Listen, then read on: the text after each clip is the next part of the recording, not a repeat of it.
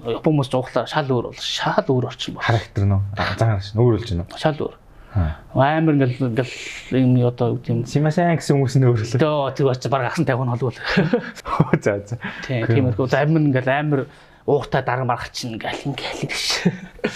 Оо за эсэргээрээ. Ста чи ста сайн байгаа шүү. Ундаг шүү. Чинь ингээл магаас нь хөөе гээл. Шаад.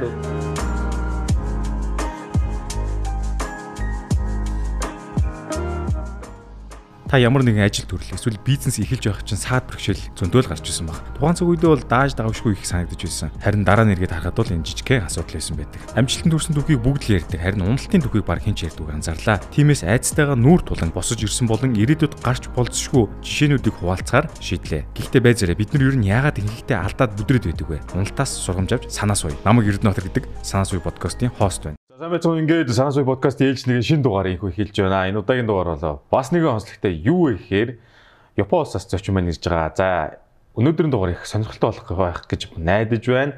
Юу вэ гэхээр Япон улсад одоо Монгол хүн компани онгуулад үйл ажиллагаа явуулж байгаа энэ талаар бүгдээрээ дэлгэрүүлж ярилцах болно. За өнөөдрийн зочин бол Бэхбатын цогтойр гэж юм хүн байгаа. Тэрээр одоо Япон улсад 7 10 жил амьдэрсэн. За дээр нь Японд компани онгуулаад бүр үйл ажиллагаа явуулж байгаа. Энэ болохоор одоо манай Монголын бизнес эрхлэлтэйг аж ахуй нэгж хэрэглэж байгаа хүмүүст бас их сонирхолтой санагдах баг. Бид нэр одоо аль аль талаас нь харьцуулж ярих болно. За сайн байна уу? Сайн байна уу? Ингээ урилга аваа сонирхолтой зочин болж орж ирсэнд баярлаа. Урсанд баярлаа. За тэгээ хамгийн түрүүнд юу аяллаа? а яг ямар компани одоо Японд байгуулсан ямар үйл ажиллагаа хийж байна мэдээж тэрний өмнө бас өөрийнхөө жоохон бэкграундыг бас танилцуулах бах тий. Аа миний хувьд бол ер нь бол Японд очиод 10 жил болж байна. Тэгээд Монголд болохоор USI гэдэг IT-ийн сургууль төгссөн. Коллеж. Тэрийг төгсөөд тэгэхээр энэ бол тэр сургууль сурж байгаа хугацаанд л энэ бол Япон явъя гэсэн бодол анх төрчихсөн. Сургуулаа төгсөнгүүтээ шууд 13 онд сургуулаа төгсөөд 7 сард нь хэлний сургуульд Японд очиж сураад тэгээд аа бас бакалавра бас нэглэн бодогчод төгссөн. Аа тэгээ магистр болохоор IT инженеэр төгссөн. Тэгээд нэг 2 жил Япон компанид саппорт инженерээр ажиллаж агаад тэгээ сая энэ 2 сард ажилласаа гараад 6 сард компани байгуулад явж байна. Тэгээ манай компани бол аа энэ бол хүргэлтийн үйлчлэгээ үзүүлнэ. Аа бас хүний нөөцийн үйлчлэгээ. Тэгээд энэ бол IT-ийн тоглоом хөгжүүлдэг компани бол гэсэн энэ цаашдын бодол одоо бодлого байгаа. Одоо ингээд төрөл хоёлаа яриа суужсэн компани ямарчсан байгуулсан нэг чиглэлээр нүүж ажиллагаа эхэлсэн явж гин гэсэн. Гэхдээ Amazon ингээд хүсэл тавьж ирсэн гэсэн. Amazon Японы салбар нөх тий. Тэгээд тэнд хүсэл тавьсан дээр шинэ компани гэсэн нь бас татгалцсан хариу сонсч ирсэн. Энэ бас сонирхолтой санагдаж байна л та. Ямар процесс дамжаад тэр хүсэл тавьсан. За тэгээд дээр нь тэднийг юу ямар компани үстэй тий А яагаад татгалцсан шалтгаан те тэрийг бас мэдмэр санагдаж байна та. Аа ингэсэн тэрийг бол яг компани байгуулчих явцдаа хүсэл тавьсан байхгүй. Шууд компани байгуулж шууд ажилтаа байх зорилготой. Тэгээ ийм юм компани байгуулж байгаа ингэж байгаа гэж байгаа бүх юм ингээд Amazon-с өөрөө цаанаас юм нэг юм програм гаргасан байхгүй. Аа за. Одоо компани байгуулахыг хүсэж байгаа хүмүүс байвал бидэнтэй холбогдоорой, саппортлоод ингээд компани байгуулад өгнө. Гэхдээ одоо шаардлагатай зөвхөн манай компаниг бараа бүтээний л хүргэдэг тийм хөрөлтийн компани болоо шүү гэдэг. Тэгээ яг тэрэнд би ингээд мэйл бичээд програмтнууд хийхдээ бүх мэдээлэлээ бичээд будаансанд хуулгаа хүртэл харуулаа. Ингээд нэлээд тийм үе шаттайгаар ингээд явд юм билээ. Тэгээ ингээд нэлээд удаан хүлээсний эцэст бол хариу ирсэн. Артай татгалцсан хариу ирсэн. Яг яагаад татгалцсан нь хэлээгүй. Мэдээж хэрэгтэй шууд татгалцсан гэсэн эргээд магадгүй холбогдох магадaltaй шүү гэсэн бол мэйл бичсэн байлаа. Яг тэгсэн болоо гэж бодглохоор одоо энэ 2024 оноос Японд шинэ хууль гарч байгаа байхгүй. Аа за. Тэр нь яад хууль вэ гэхээр одоо ингээд жолоочууд шүү дээ одоо энэ хүрэлтийн үйлчлэгийн жолооч жолоочууд одоо урт хугацаагаар ажилласнаас болоод ослих гаргаж байна гэдэг. Аа. Тэгээд юм хүрэлтийн компаниудын жолоочинд ажиллах цаг нь басчих хууль одоо 24 оноос хэрэгжих байхгүй. Тэгвэл энэнгүүт одоо энэ жолооч гэдэг одоо ажлын хэрэгцээ аюу нэмэгдээд Тэг магадгүй 24 он бидэнтэй холбогдох магадлал бас байгалах л та. Гэтэ бас энэ хүрэлтийн юу чинь бас ингээд дараа нь бас угаарсал та. Зөвхөн нэг хоёр машинаар бас тийм ашиг хийдэг юм байлаа. Аа зөв зөв. Яг Amazon гэж сонсохоор их том салбар компани байгаа л та Японы нь бол тий. За гисэн эдий ч одоо тэгээд дахиад өөр ингээд харилцагчтай болоод үйл ажиллагаа явж л байгаа х тий. Тий. Тэгээд яг энэ хүний одоо энэ хүрээлтийн систем систем ч яг хүрээлтийн энэ ажил маань бол яг нэг хоёр компанид одоо гэрээтэй ажиллаж байгаа. Тэргээрээ бол бас яг боломжийн мөнгө олдог болж эхэлж байна. Аа тэгээд цааш яг энэ хүрээлтийн энэ үйлчлэгээр цааш нь зорилго юу вэ гэхээр бидний хувьд одоо энэ Japan Post гэж байдаг шүү дээ. Монголоор шууд ингээд Монгол шуудтай адилхан. Зөв зөв. Тэгээд дээр үед бол яг улсын компаниас байхгүй. Одоо ингэ ховчлогдоод ингээд бий бац. Тэр одоо миний таньдаг хүн тэнд юм жолооч одоо хүрээлт юм идэх таньдаг хүн байдаг байхгүй. Тэр компани хүнээс би ингээд асуухгүй танай компани одоо ажилтан туслах компани авъя бодож байна яаж ямар байдгийг асуухгүй. Тэгсэн чинь юу нь бол сая энэ жил хоёр компанитай гэрээгээд баг 20 30-аад машин одоо авсан байгаа байхгүй. Зөвхөн нэг салбар нь шүү дээ. Тэр чинь Жапон бос ч ингээд газар болгон боо шүү. Тэр нэг салбар нь гэтэл тэгж одоо ажилдаа авч байгаа байхгүй. Яасан гэсэн чинь одоо тэр жолооч нар нэг нэг нь 50 харц 60 40 хүмүүс. Оо. Ерөөсөө залуу хүмүүс тэр хийх сонирхол байхгүй. Яг орлогын хувьд бол ийм доктортой дажгүй дажгүй л да. Тэгээ би яг сүлд ойлгосон юу вэ гэхээр хүрэлтийг нэг машинаар манай компани одоо нэг машинтай. Аа. Нэг машинаар ингээд жижиг бараа бүтээгдэхүүн хүргээд бол ерөөсөө ашиг гарахгүй юм байна. Зөвхөн жолоочийн цалинл гарна гэхээс биш тийм компани дуутахаар бол ашиг хийж чадахгүй. Тэгээ бидний хувьд бол цаашдаа яах вэ гэхээр тэр Japan Post бол яалч хүн хэрэгцээ бол гарна. Тийшээ нэг бас нэг 10 машин 10 жолооч ингээд оруулах гэсэн бол бодол байна. Зөв зөв тийм боломж байгаа гэдгийг хараад байгаа. Аа зөв зөв. Ер нь л ингээд ойрын зорилт тавьсан явж штэ тий. За тиймэрхүү. Ингээд хүрэлтийн үйл ажиллагаа нь ямар ч ихсэн байна. Өөр бас зөндөө салбаруудтайгаа Тэгээд э, юуны түрүүнд сонирхолтой нэхэр энэ Японд юу яаж компани нэмэлт би бас одоо асуумаар гэсэн чинь. Одоо Монголд л одоо ерний үлтгэл дээр очлоо. Нийтдээ нэг 200 мянган төгрөг цугууж төглөөд нэг тамга тамдгийг үуд ингээд бүхэн авчдаг байхгүй. Японд процесс яаж явж байна? Бас төлбөр мөнгө хэрэг гарч байна те. А тэгээд ямар шаардлагатай гэдэг чинь тэнд гадаадын иргэн байвал одоо бас шаардлага байгаа л те ямар дэс дараалал энэ процессыг бас одоо мэдхгүй бидэнд их сонирхолтой байна Монгол хүмүүст. Аа юу байд юм бэлээ. Одоо яг гадаад хүн ч гэдэм яг өөрөө ингэж явах юм бол аяг төвхтэй. Тэгээ бас буруу зүрх бичих юм бол ингээд буцаагддаг ч гэдэм үү. Мэргэжлийн тийм хуулийн пирамид ч юм уу тийм газараар байгуулчлах амар. Тэгээ тийм миний нэг таньдаг бас нэг тийм хуулийн пирамид байсан. Үн би бас нэг ажил хийлгэжсэн. Тэрэндээ ингээд холбогдоод компани байгуулах гэсэн гэсэн ингээд. Тэнгүүд ингээд юу л компани байгуулна. Дээрээс нь давхар бас виз асуудлыг бас шийдэж өгөх хэрэгтэй байдаг. Аа. Одоо өөрөө өмнө бол би ингээд оюутан байхдаа сургуулийн нэр дээр виз авч байгаа шүү. Оюутан гадаад оюутан гэдэг утгаараа компани ажилтан байх юм бол компани дээр визтэй. Тэгвэл компаниас гадна өөрийн компани байгуулахлаа одоо тэр өөрийн компани дээр л виз нэмэгдүүлэх бол өөр амарч визэл нэмэл ирэх байхгүй болчихж байгаа. Зөв зөв.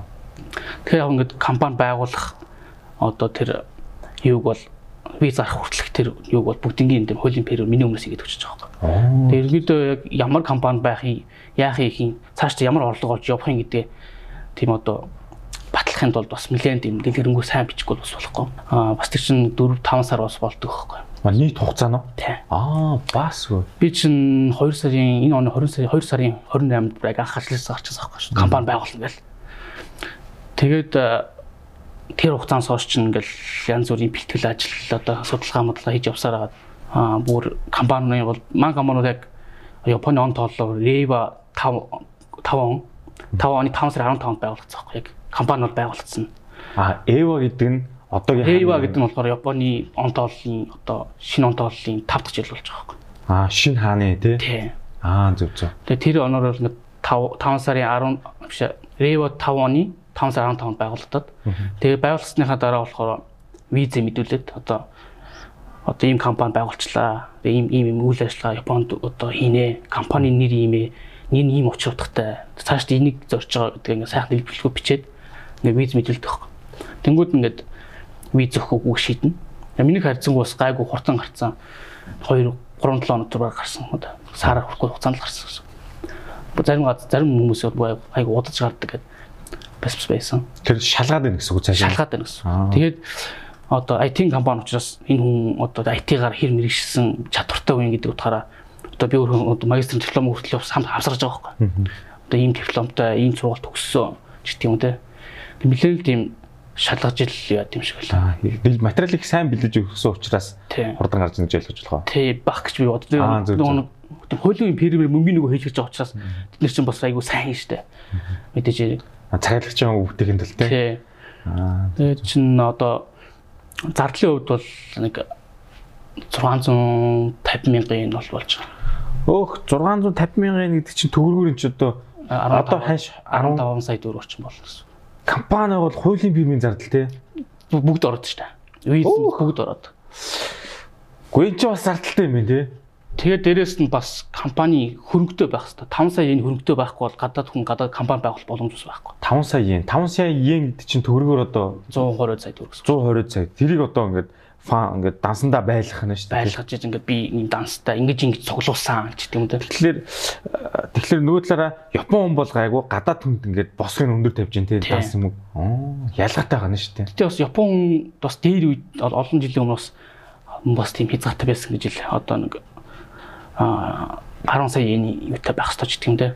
Одоо харин тийм байхгүй харьцангуй компани байгуулсан амар болоод байгаа юм байна. Гадаад дүүний хувьд бол жоох хэцүү. Гэтэ яг зөвхөн 5 сая йентэй байх хэрэгтэй гэдэг биш тэр хүн өөрөө ингээд үйл ажиллагаа эхэлсэн ингээд юм хийдэг. Тэгээд доороо нь хідүүн ажилтдаг тэр хам бас арай нэг өөр бас тийм бас сонголтууд бас байсан л да. Бидний хувьд бас тийм боломж байхгүй учраас шууд л 5 сая yen л олохоос ураар байхгүй болж байгаа. Аа энэ дэс юу асуух чинь гэхээр 5 сая yen гэдэг бол Монгол төгрөгөөр нэлийн өндөр хэмжээний юм болж байгаа. Монгол бол одоо ийм Монголиогоор компанийн нэрийг шүүлээ. Процесс айгу хурдан болчихоош Монгол хүн. Гадаад компани, гадаадын хөрөнгө оруулалтын компани бол процесс их өөр баг. А тэгэхээр саяын энэ 5 сая йенийг босгохын тулд та бүхэн хамтарсан уу? Яаж одоо энэ мөнгөө бий болгосон бэ? Гарааны хөрөнгө гэхүүлээ тий. А нэг асуулт нь Японд байгаа хүмүүс их хвчлэн ингээд хадгаламжийг бол маш сайн яадаг тий. А хүмүүс бол хадгаламжаа ингээд зарцуулдаг. А тэрийгээ ингээд зарцуулж яануу зориу дахиж шинээр хөрөнгө босгосон уу? Энэ бол аль аль. Тий. Энэ бол компани чинь кабушки хувьцаат компани жуудахаар явж байгаа болохоор хувьцаа эзэмшиж нөгөө тэр одоо хөрөнгө 5 сая нэг л хуваачиж байгаа байхгүй. Аа. Тэрийг л өөрөөс хувьцаагаа бодчих. Үнэлгээгээр бол ийм үнэлгээтэй ийм хөнгөтэй компани шүү гэл. Тэгээ би миний хувьд бол ингээд найзтайгаа хамтарч байгуулсан. Яг мөнгөө гаргаад. Тэгээ яг зүгээр компани үүсгэн байгуулагч захирал нь тэр компанидэр виз авчаа гэдээ утгаараа бол заавал 50-аас илүү хувийг эзэмсэн байх хэрэгтэй гэдэг бас хууль үүдэг. Зөв зөв. Тэгээ яг зүгээр ингээд аа ер нь хамтарсан бас нэг маань найз үүдэг.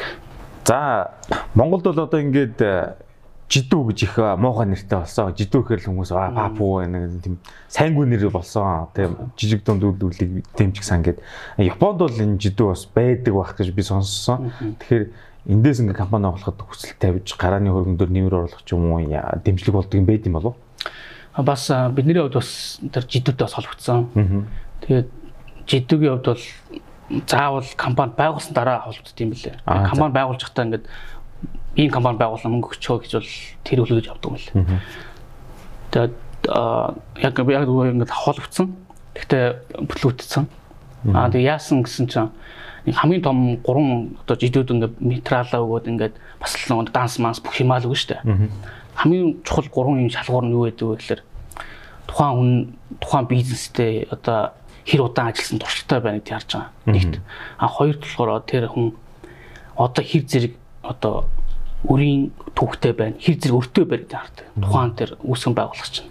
Гэт юм те. Аа зөв зөв. Тийм. Тэгээд гуравт нь болохоор одоо black гэж ярьдаг штэ. Black болоход тийм үү ингээ өртөө байж хагаад өрөө хар даасанд орсон хар даасанд орсон байна уу гэдгийг бас шаад шалгадаг юм уу. Тэгээд нэг зээл бэлтэл тогтмол төлжээл нөгөө скор гэж яддаг штэ. Тэр мэрийг нь харж л байгаа. Тэгээд бас нөгөө одоо тэр нөгөө зээлийн өрөнд эрен төлөлт нь сард хэдий төлсөн мөлдгийг бас хардаг. Иймэрхүү байдлаа юу хард юм бэл. Тэгээд миний хувьд болохоор Тэгээ гадаад хүн гэдэг бас шал өөрөөр авчиж байгаа юм. Тэнгүүд нөгөө нэг виз харж байгаа юм. Чиний виз ер нь анх камер байгуулж хүмүүс нэг жилээр виз гардаг. Түүнд миний виз чинь нэг жил юм байна. Тэнгүүд одоо хүрэлтийн компани гэдэг тустай байх хэвээр. Тэгээд хүний нөөцийн компани тустай байх хэвээр, IT компани тустай байх хэвээр байтал бүр нийлүүлээд ингээд гурван үйлчлэгээ ингээд зэрэг үзүүлнэ энэ төр гэдэг. Японы сэтгүүл чинь жоохон ойлгомж санаж байгаа хгүй. Аа. Тэг алийг нь хийх гээд байгаа. Яах гээд байгаа гэдэг юм чинь юм даа. Тэг жоохон бас жоохон бидний бас туршлахгүй материалаа одоо тийм сэтгэхэд дэлгэмгүй бичээгүй ч гэдэг юм уу те. Тиймэрхүү бас асуудал болсон байж магадгүй л те. Ямар ч нэг бүтлүүц. Зүг зүг. Компанийн нэр чинь яг ингэж тайлбарлавал ямар утгаар нэр өгсөн баа? Аа, компани нэрийн хувьд бол одоо катаганаар бол MUTC гэж уншина. Аа за. Тэр нь болохоор ямар ч утгатай вэ гэхлээр бидний одоо цаашчин зорилго бол метавас орчин тоглоом хөгжүүлэх байхгүй. Эм бол метавас эм гэсэн үг. Тэгээ Т нь болохоор Япон үний ихний үсэг тануши гэдэг Япон тануши гэдэг нь бол хөгжилтэй тийм гоё гэсэн утгатай. Аа тануши гэснэ. Аа яг унаач. Тэгээд CH2 нь болохоор нийлээд чи гэдэг үсэг. Чи гэдэг нь болохоор чишки гэдэг үгний ихний үсэг байхгүй. За. Чишки гэдэг нь болохоор мэдлэг гэсэн. үг. Аа.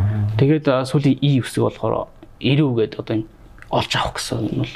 Тэгэхээр яг зүгээр метабас дээр одоо юм тануушийн гоё байнга одоо бидлийг олж авъя гэсэн утгатай тийм утгаар аврагдсан юм уу. Юу гэдэг юм энэ компани нэрийг ингээ харангууд одоо манай компани ямар нэг байдлаар борлуулалтын нэг тийм Япон ороод ингээ ажлыг явж байхад нэг компани нэрийг ингээ тайлбарсан ч гэсэн ямар ч тийм гадаад хүн байгуулсан юм шиг мэддэхэргүй байгаас.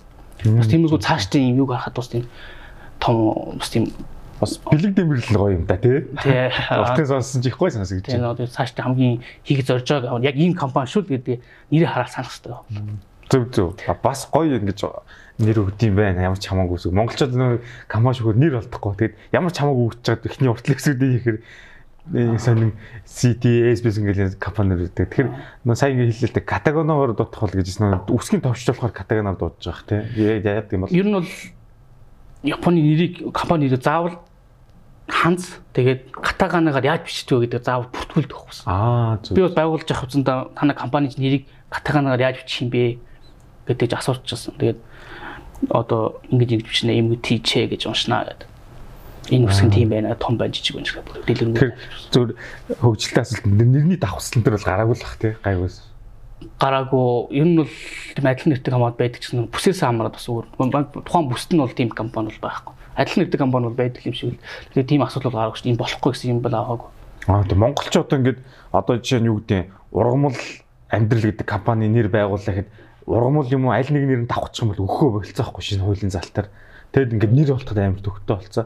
Тэр монголчууд нэг 160 эдэн компани мянган компани хаад Японд юу н хэрэг компани дээ тэгэд ингээд нэр давхцахгүй гэж бас цохон монгол найр өөр байгаа юм уу? Аа би яг л сайн мэдэхгүй л байна л да. Гэхдээ аа Токиод дэдэг компани адилхан нэртэй өөр нэг мужид ч юм уу да адилхан нэртэй хам бол хамаагүй байдаг ч магадгүй байж магадгүй тэгээд артлынх нь хотынх нь юугаар ингээд солигдоо өвчтэй болоо Тэгэхээр нэг нэг хотод нэг адилхан нэртэй байх юм бол болтгүй. Тэр манай компани хаана бүртгэлцээ вэ? Хёго мужид бүртгэлтэй учраас тэр Хёго гэдэг мужид бол тийм юу байхгүй. Тийм компани байхгүй. Тийм нэртэй компани байхгүй. Аа тийм ээ тий. Одоо жишээ нь Монголд нэгдээ үлгөө зүгээр сонирхлоос л Улаанбаатарт бүртгүүлээд нэр давхцсан бол би очиод гой балтаад ч юм уу говь сүмбэрт очиод бүртгүүлээд ари өөр өгдөг болов яадаг. Энийг судалж үзэх юм байна. Бас сонин кейс шүү. Бүсээс хамаард үүрлэж би сонсч байсан. Зөөж зөө адилхан ба- бас сони юм. Японд юу н хичнээн тооны компани гэдэг бол ма- маш их бах тий. Аа маш их яг бас тоогийн сайн мэдэхгүй. Гэхдээ бол өдөрт хичнээн хэдэн зугаараа л бүртгэдэг сонсч байсан. Гэхдээ яг нарийн тийм тоог нь бол мэдэхгүй. Тэгээ бас тэр хувьчигээр бас их дампуурдаг гэсэн. Ер нь бол би ингээд зүгээр юм уушч чаад бол угаасаа гэр бүл дамжсан олон зуун компаниуд нь ингээд нэг хүрээгээ тэлцэн тэд нар л байж идэг жижиг компанид одоо зах зээл юу нөхөхөд амар хэцүү ордоход хэцүү нөхцөл байдлаа гэж ойлгоодсон. Энэ юу н ортой юу? А ер нь бол ортой. Яг тэгэхээр одоо тийм том болцсон компаниуд бол ерөөсөө энийг ажил хийхгүй байхгүй. Нөгөө нэрэл зарчдаг. Одоо Panasonic бол одоо Японд бол аяга алдартай байдаг шүү дээ. Panasonic тэр нь ингээд том компани ингээд ажилладаг хүмүүс ихэнх ажлыг нэг туслах компаниуд нээдэг байхгүй. Хамаг л ажлыг нэ.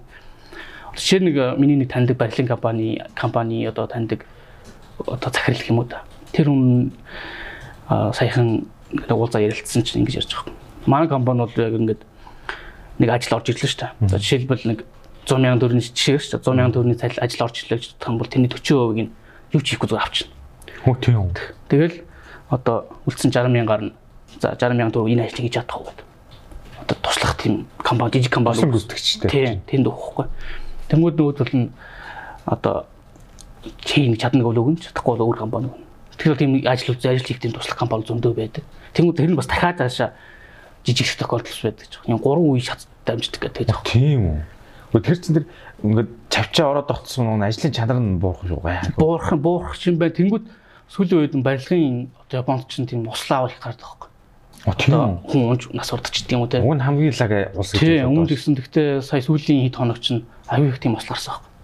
Тэгвэл яасан бэ гэхээр бас яг саний хэлсэндээ адилхан нөгөө нэг яг ор санхүүжилт нь улам жижиг тусам нөгөө нэг жижиг компани ашиг олохын тулд ажилчдаа яаруулдаг ч тийм үү тэр хамгаалалт магуулалтад дутуу хийдэг ч тийм үү те.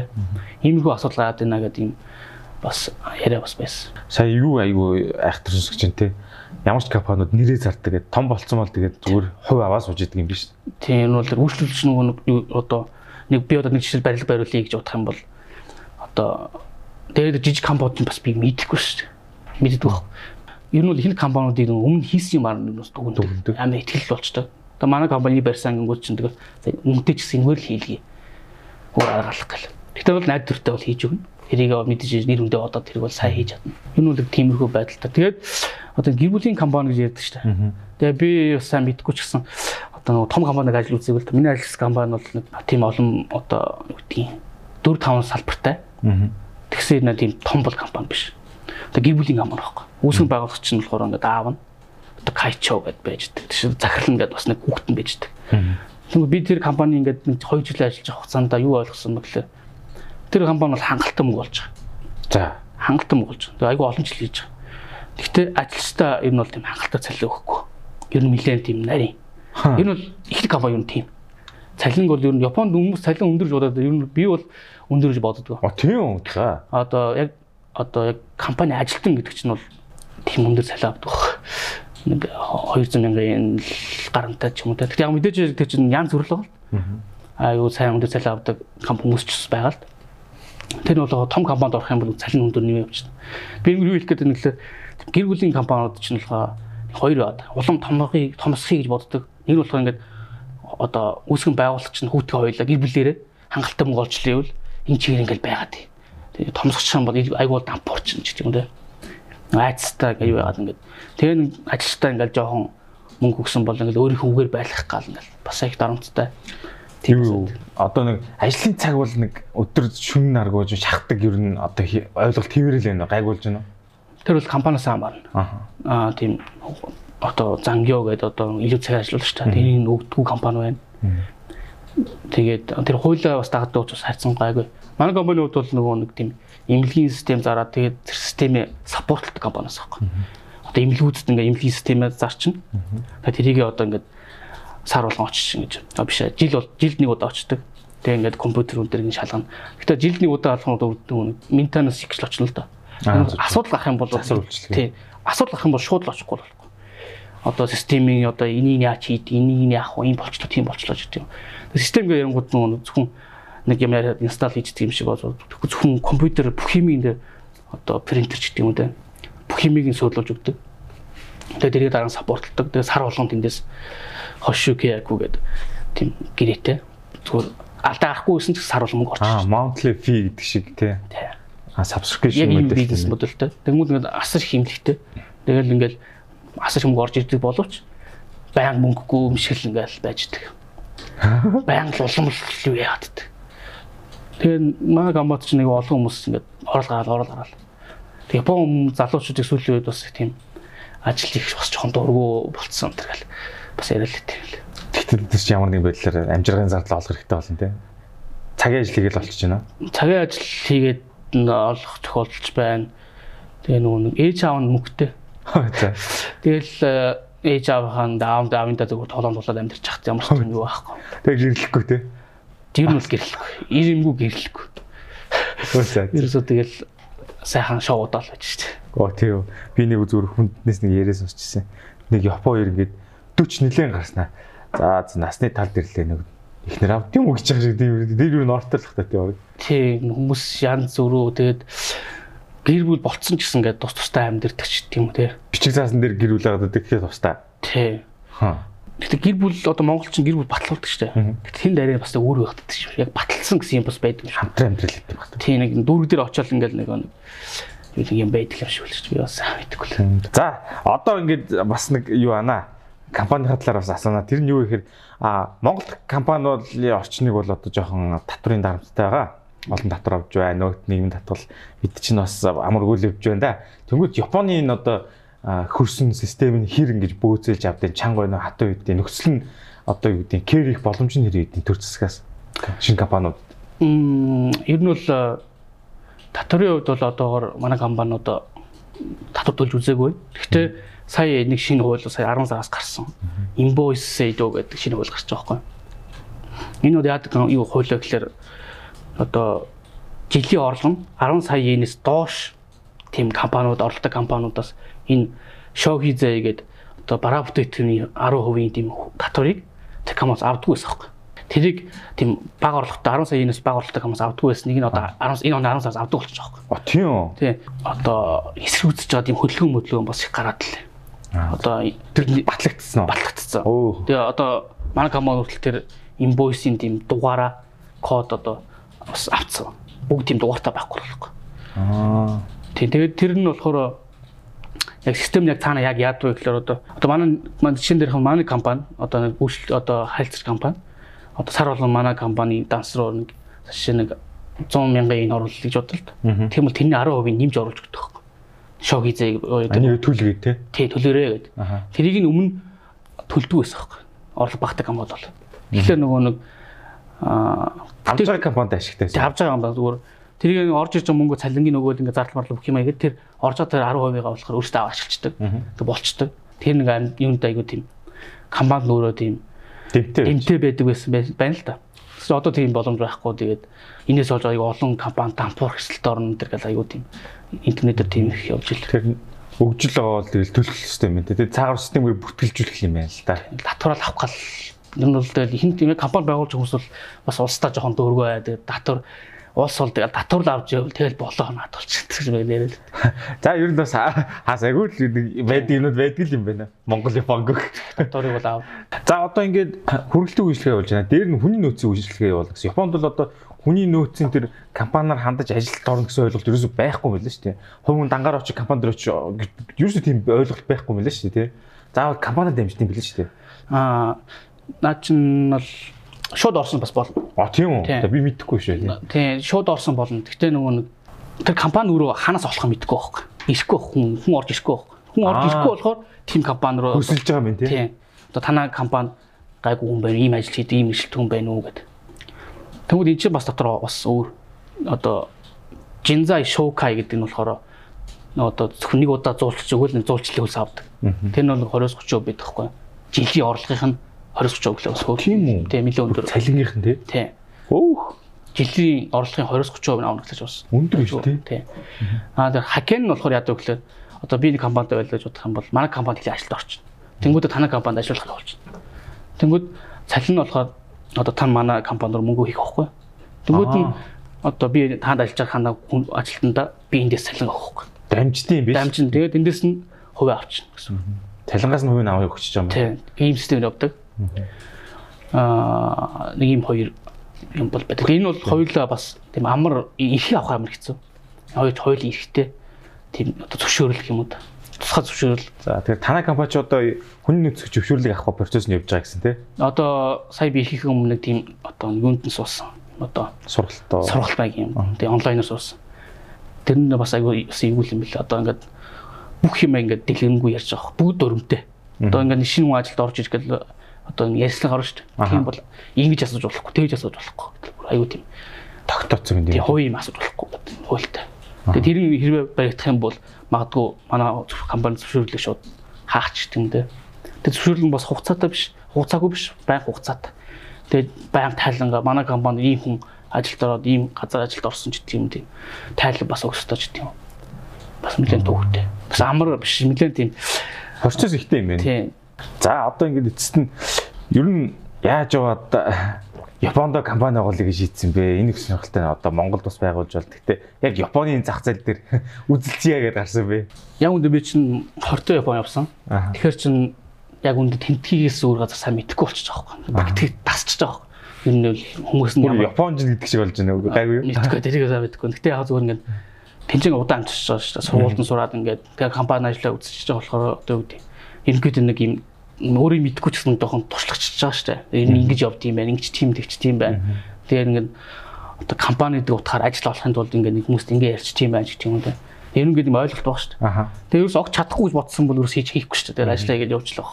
Тэгээ чадна гэж зориулсан нь болохоор аа бас нэг тийм шаардлага байсан баг л та. Өөрийгөө сорьё гэсэн.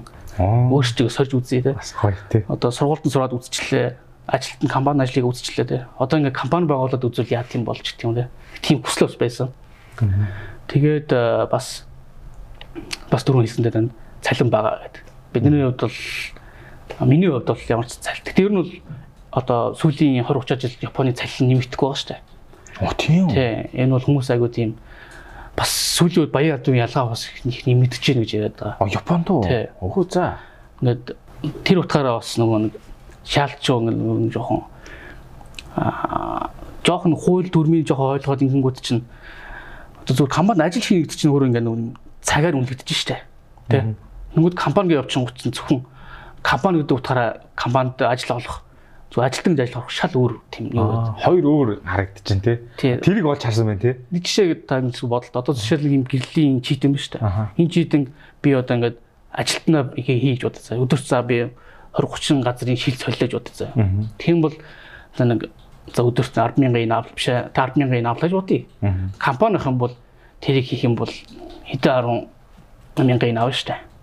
Тэрийгэл тэнгууд одоо яа гэдэг одоо яаж ч утсан ажилтан байсан компани байгуул илүү ашиг их боломж байгаа байхгүй. Тэгээ дээрэс нь Японд хүн амын одоо нэг хөшрөлт яваад байгаа штэ.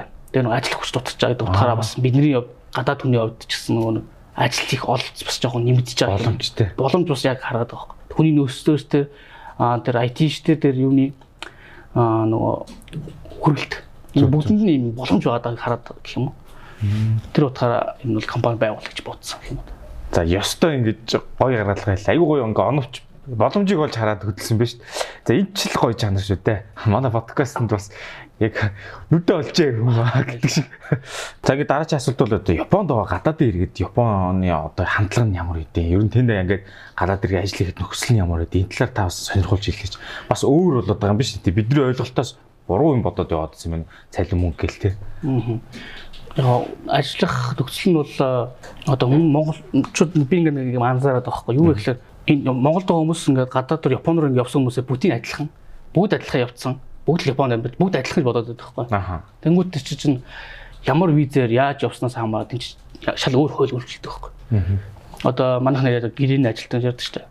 Тэр мэр чинь арай бас нэг өөр оюутан гэж бас арай өөр үндсэн ажилтан бас арай өөр ч гэх юм дээ тэгэхээр яг зүгээр миний нэг таньдаг хүн амтнд одоо хүн- хүнээс сонсох болохоор Японд байдаг хүмүүс болохоор би өөрийнхөө визийг яг ийм ажилд хийн, ийм цалинтай.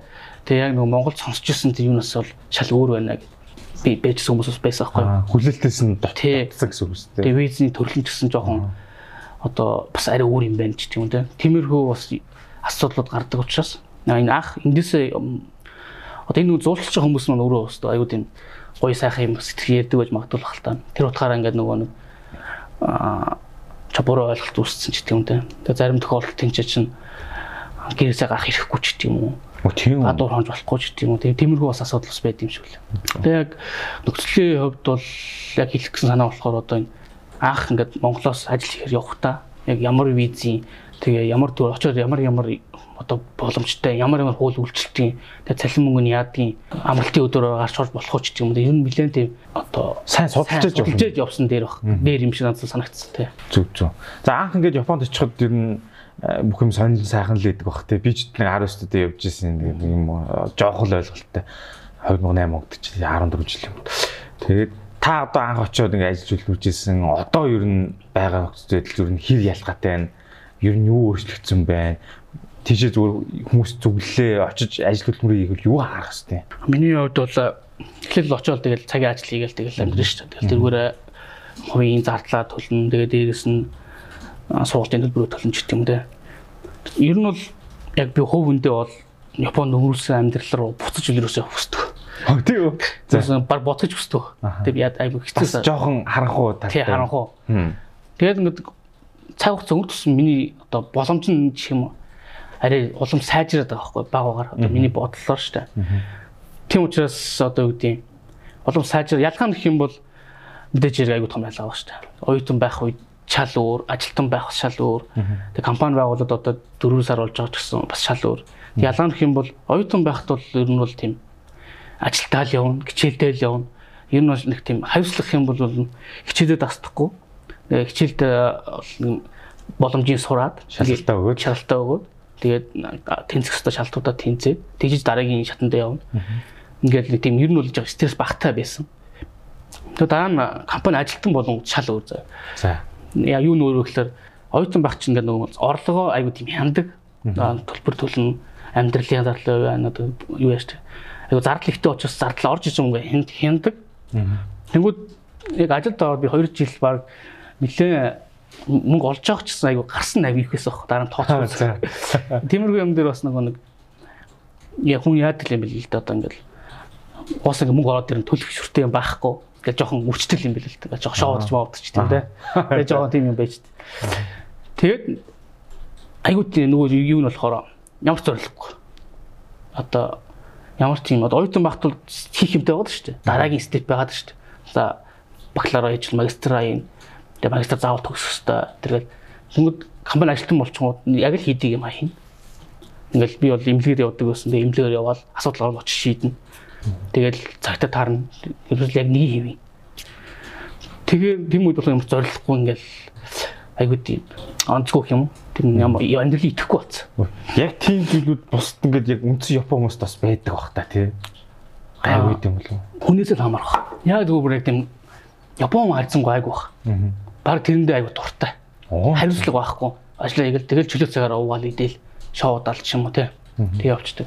Тэг компани байгууллаад ажиллаж байгаа тохиолдол бас эрхчлөөтэй бас нэгт амин эрхчлөөтэй. Гарамтгүй болж байгаа бас. Өсөө чи ажлаа хийж чадаад ажил орж ирээд тэгээд ажлаа хийж чадаад мөнгө орж ирээд ингээд яаж чадчихлаа одоо сүрэгдийн хин нэгнээс одоо хамааралгүй болчих жоохоо. Тэрүүл яг юм дайны талбарт одоо ингээд буу араал орчиж байгаа хөөхгүй. Байлт хэрхээ би авцсан гэсэн үг хөөхгүй. Компани байгуулж. Тэгэл одоо яа нүх нүг өөрөө мэд.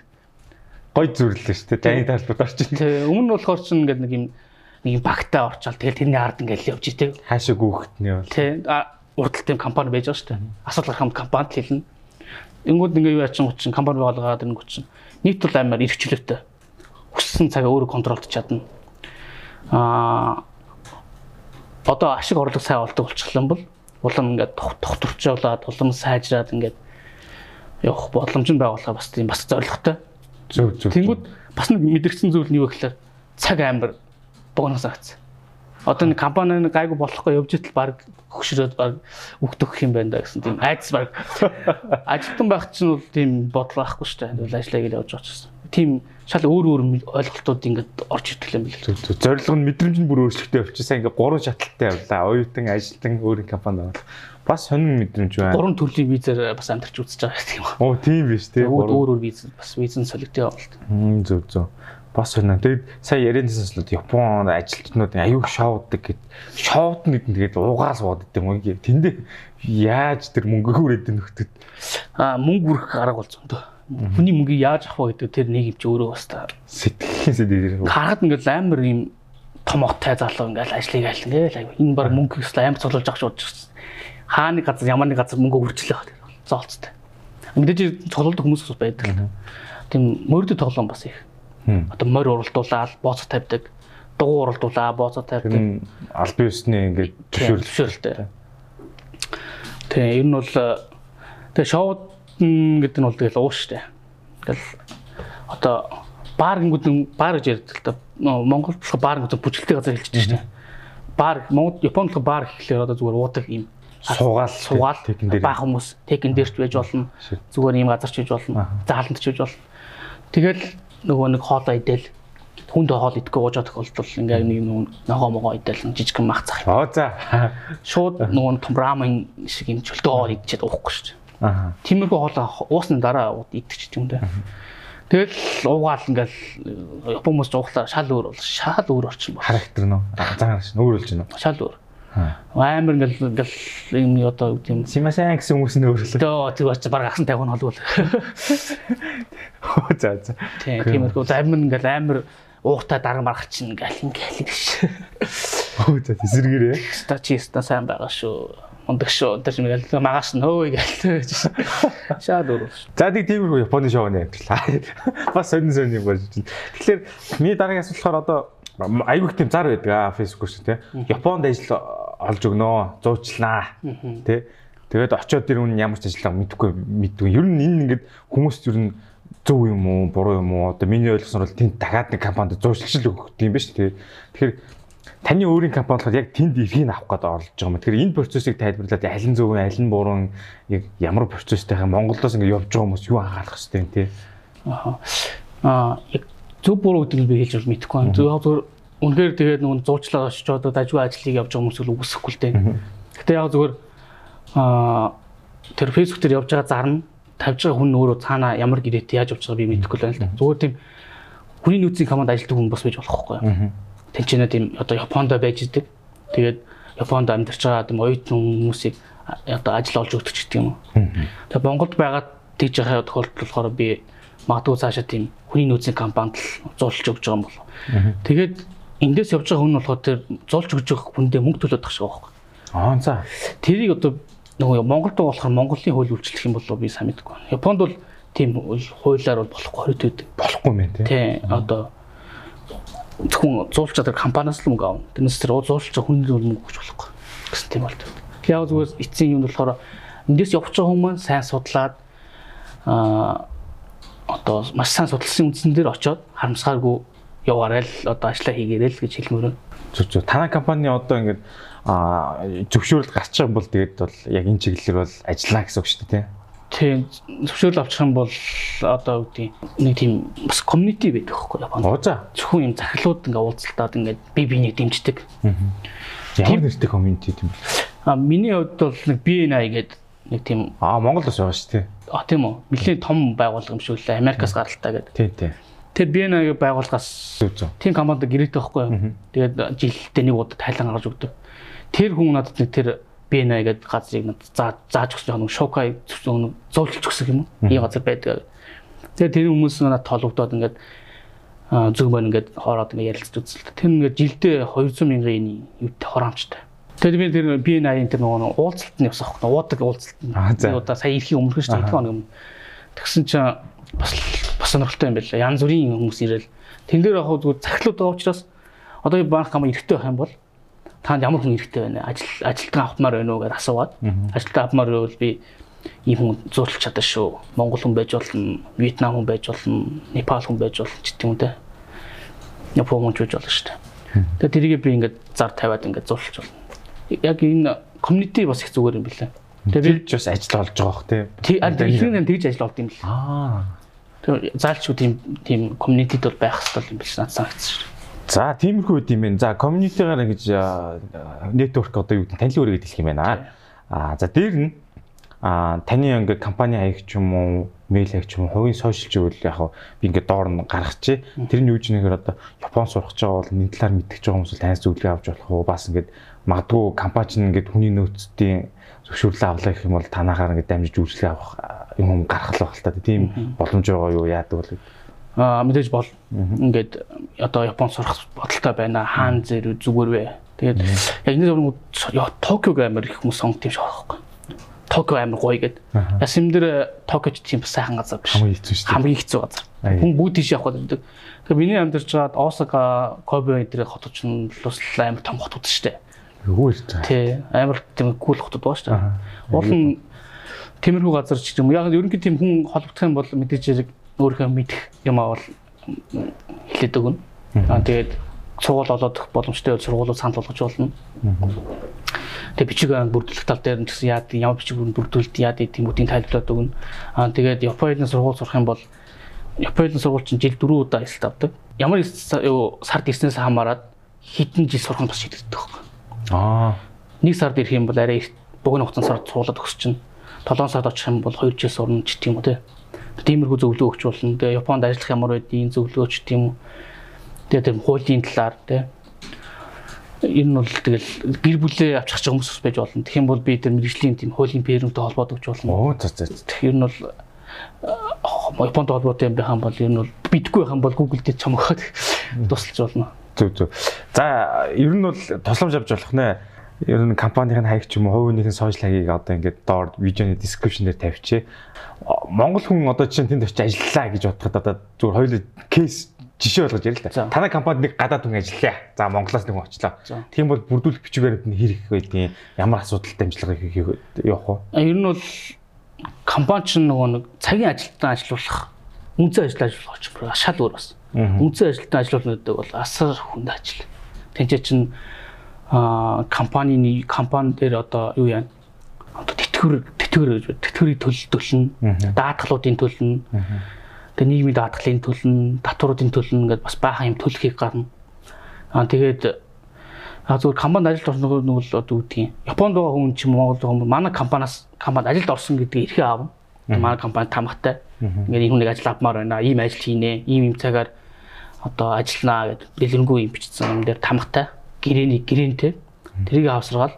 Тэгэл тэр манай одоо манай компанид ажилд орж байгаа хүмүүс тэрийг бариад иммиграшн дээр очивол би энэ компанид ажилд орсон гэд хүсэлтээ өгнө.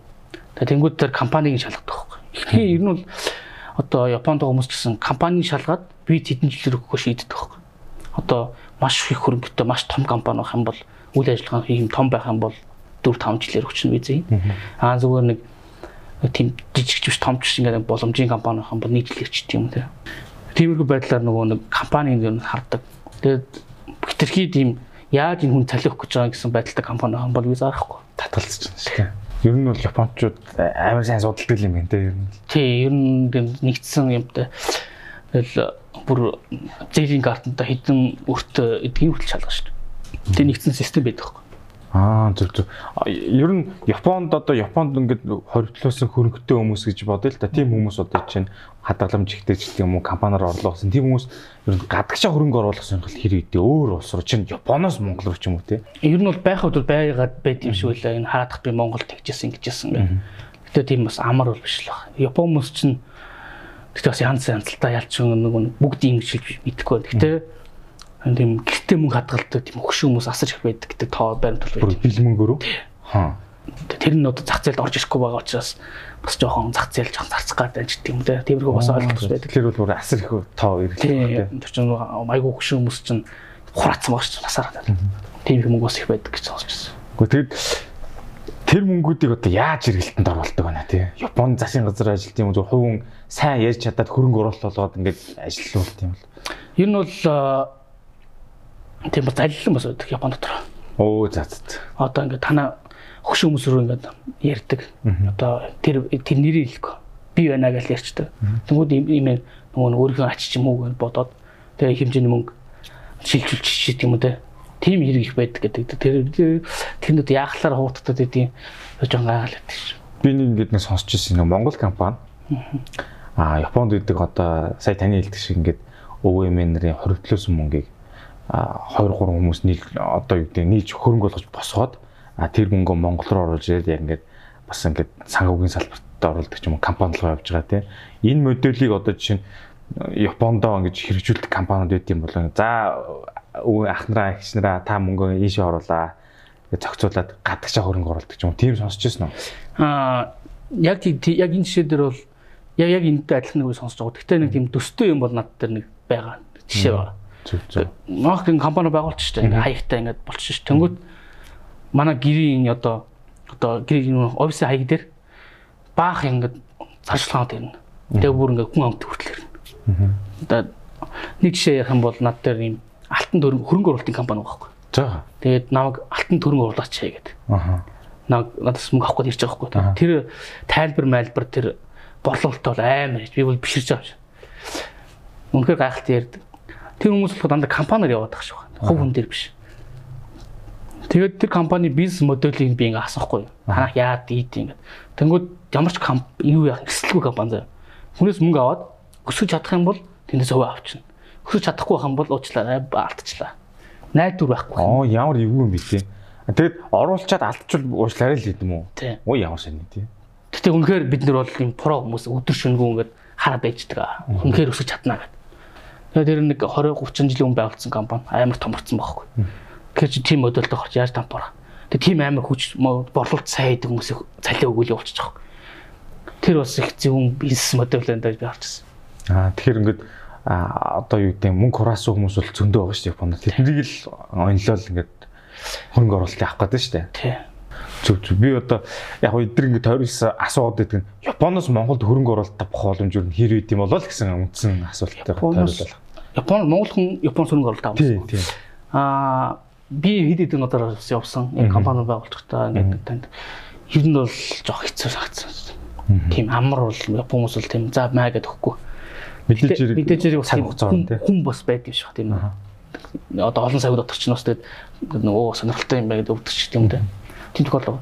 Гэтэ миний хувьд бол жоохон эсэргээрээ Японд аягүй гой боломжууд багт. Яга Япон руу Монгол хүн хөрөнгө оруулах гэж болох. Оо за за тэгвэл наатлаас дээр ямар ямар боломж вэ? Халиу хөө. Юу байж болно?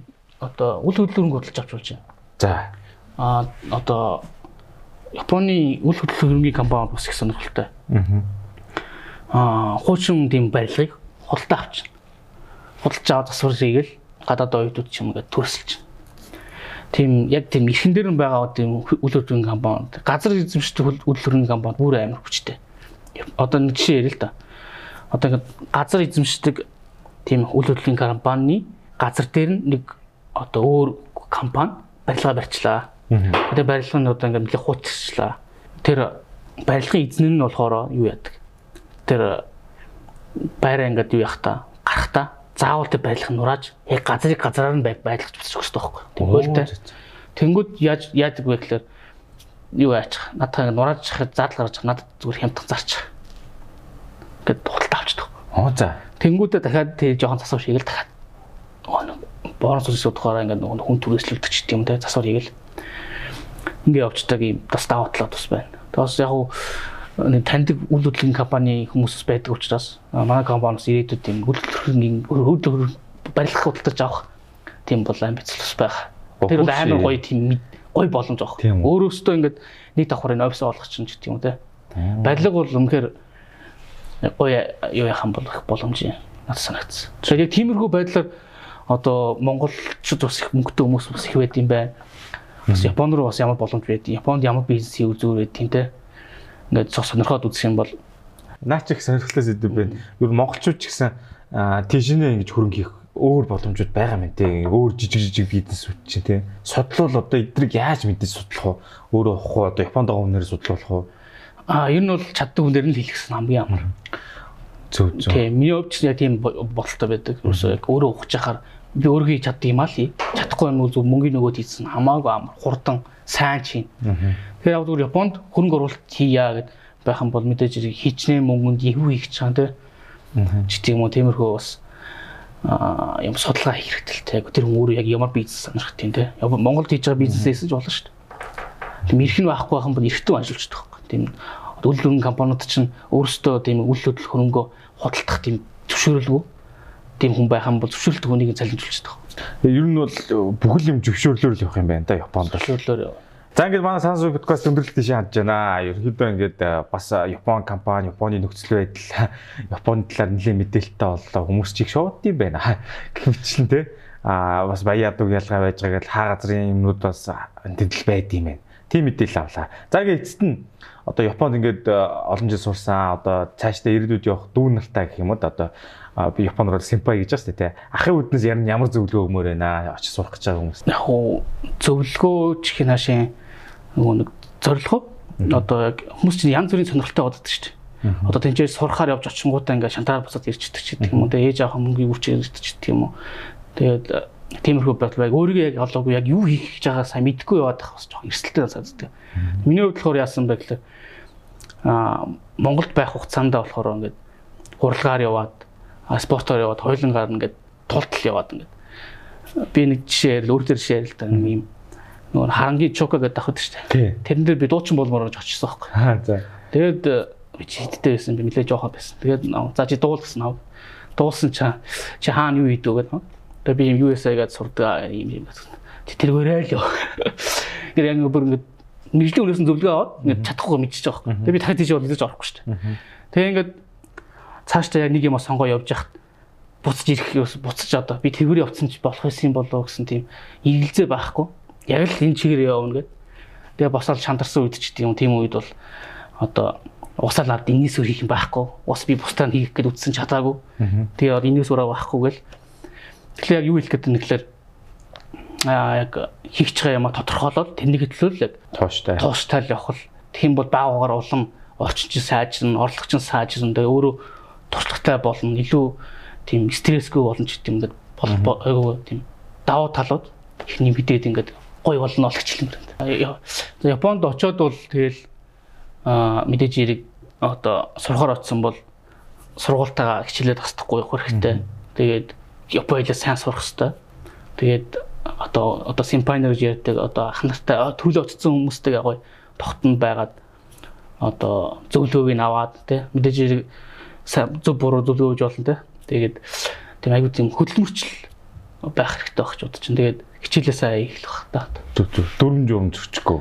Тийм. Аа тийм. Бас нэг юм нь болохоор юу вэ гэхээр аа одоо утас аав тийм үү. Тэгээд зээлийн карт аав ч гэдэг юм да. Иймэрхүү байдлаар юм блак листэнд орохгүй байх нэг чухал шүү. Энэ ч нь бол өөрөө юу нөгөө виз визтэй жоо хамаартай болоо цаашдаа чинь нөгөө нэг карьер чинь нөлөөлөх эрсдэлтэй. Зүг зүг. Тэр чинь ингээд үлдчихдэг учраас. Тийм үү. Гэтэ блак хүмүүс бол Японоор дүүрлээ бол та. Япон хүмүүс мөртөл. Чанар үзээ илмэл бас юм уу удаас те санхүүгийн сахилгууд ил хэлээд шүү дээ. Тийм юм санхүүгийн сахлаг бацтай байсан илүү цаашдаа карьерт ч эрэхтэй шүү. За их сонирхолтой мэдээлэл авлаа. Ингээд энэ удаагийн дугаар маань энэ түрээд өндөрлж байна. Та бүхэн бас сонирхолтой шинэ мэдээлэл авсан байх найдаж байна. Манай дугаарыг Санаас подкастт байн хамтран ажилладаг Живлэ хотхон гэж байгаа. Та бүхэн бас энэ логог нь харж байгаа юм талд байна. Тэгэхээр энэ Живлэ хотхон манай оролцож байгаа зочдод одоо гарын билээ өгч байгаа. За тэгэхээр энэ дотор бол одоо ингээд хэрэгцээтэй юмуд их байна. Ингээд тэгээ энийг бас сонирхоор ингээд манай ивентдэг чинь гэж байгаа. Дээр нь хамгийн том юм нь одоо ингээд а живлэ хотхны юм хямдралын эрхийн бичиг байна. 5% хямдрал эрхийн бичиг. Ууз. За тэгээд та одоо ингээд хаус хотон хэрвээ авах гэж байгаа бол энийг ашиглаж болно. Живлэ хотгоос хямдралтай 5% дискаунт одоо хямдрал эзэлж ашиглаж болох нэ. За тэгээд энэ юу гэж яах гэхээр магадгүй та хэрэгж болно бас танай гэрийнхэн найз нөхөд ингээ хаустай болох ч хэрэгцээтэй хүн байх юм бол а энэ эрхийг бас биелүүлээд хөнгөлт эдлэрэ гэж хэлж байна. 5% гэдэг бол мөнгөн дүнгээр бол баг энэ метр квадратаас хамаарат нөгөө том жижиг бариас хамаарат 15-аас 20 сая төгрөгийн ирэх байгаа шүү.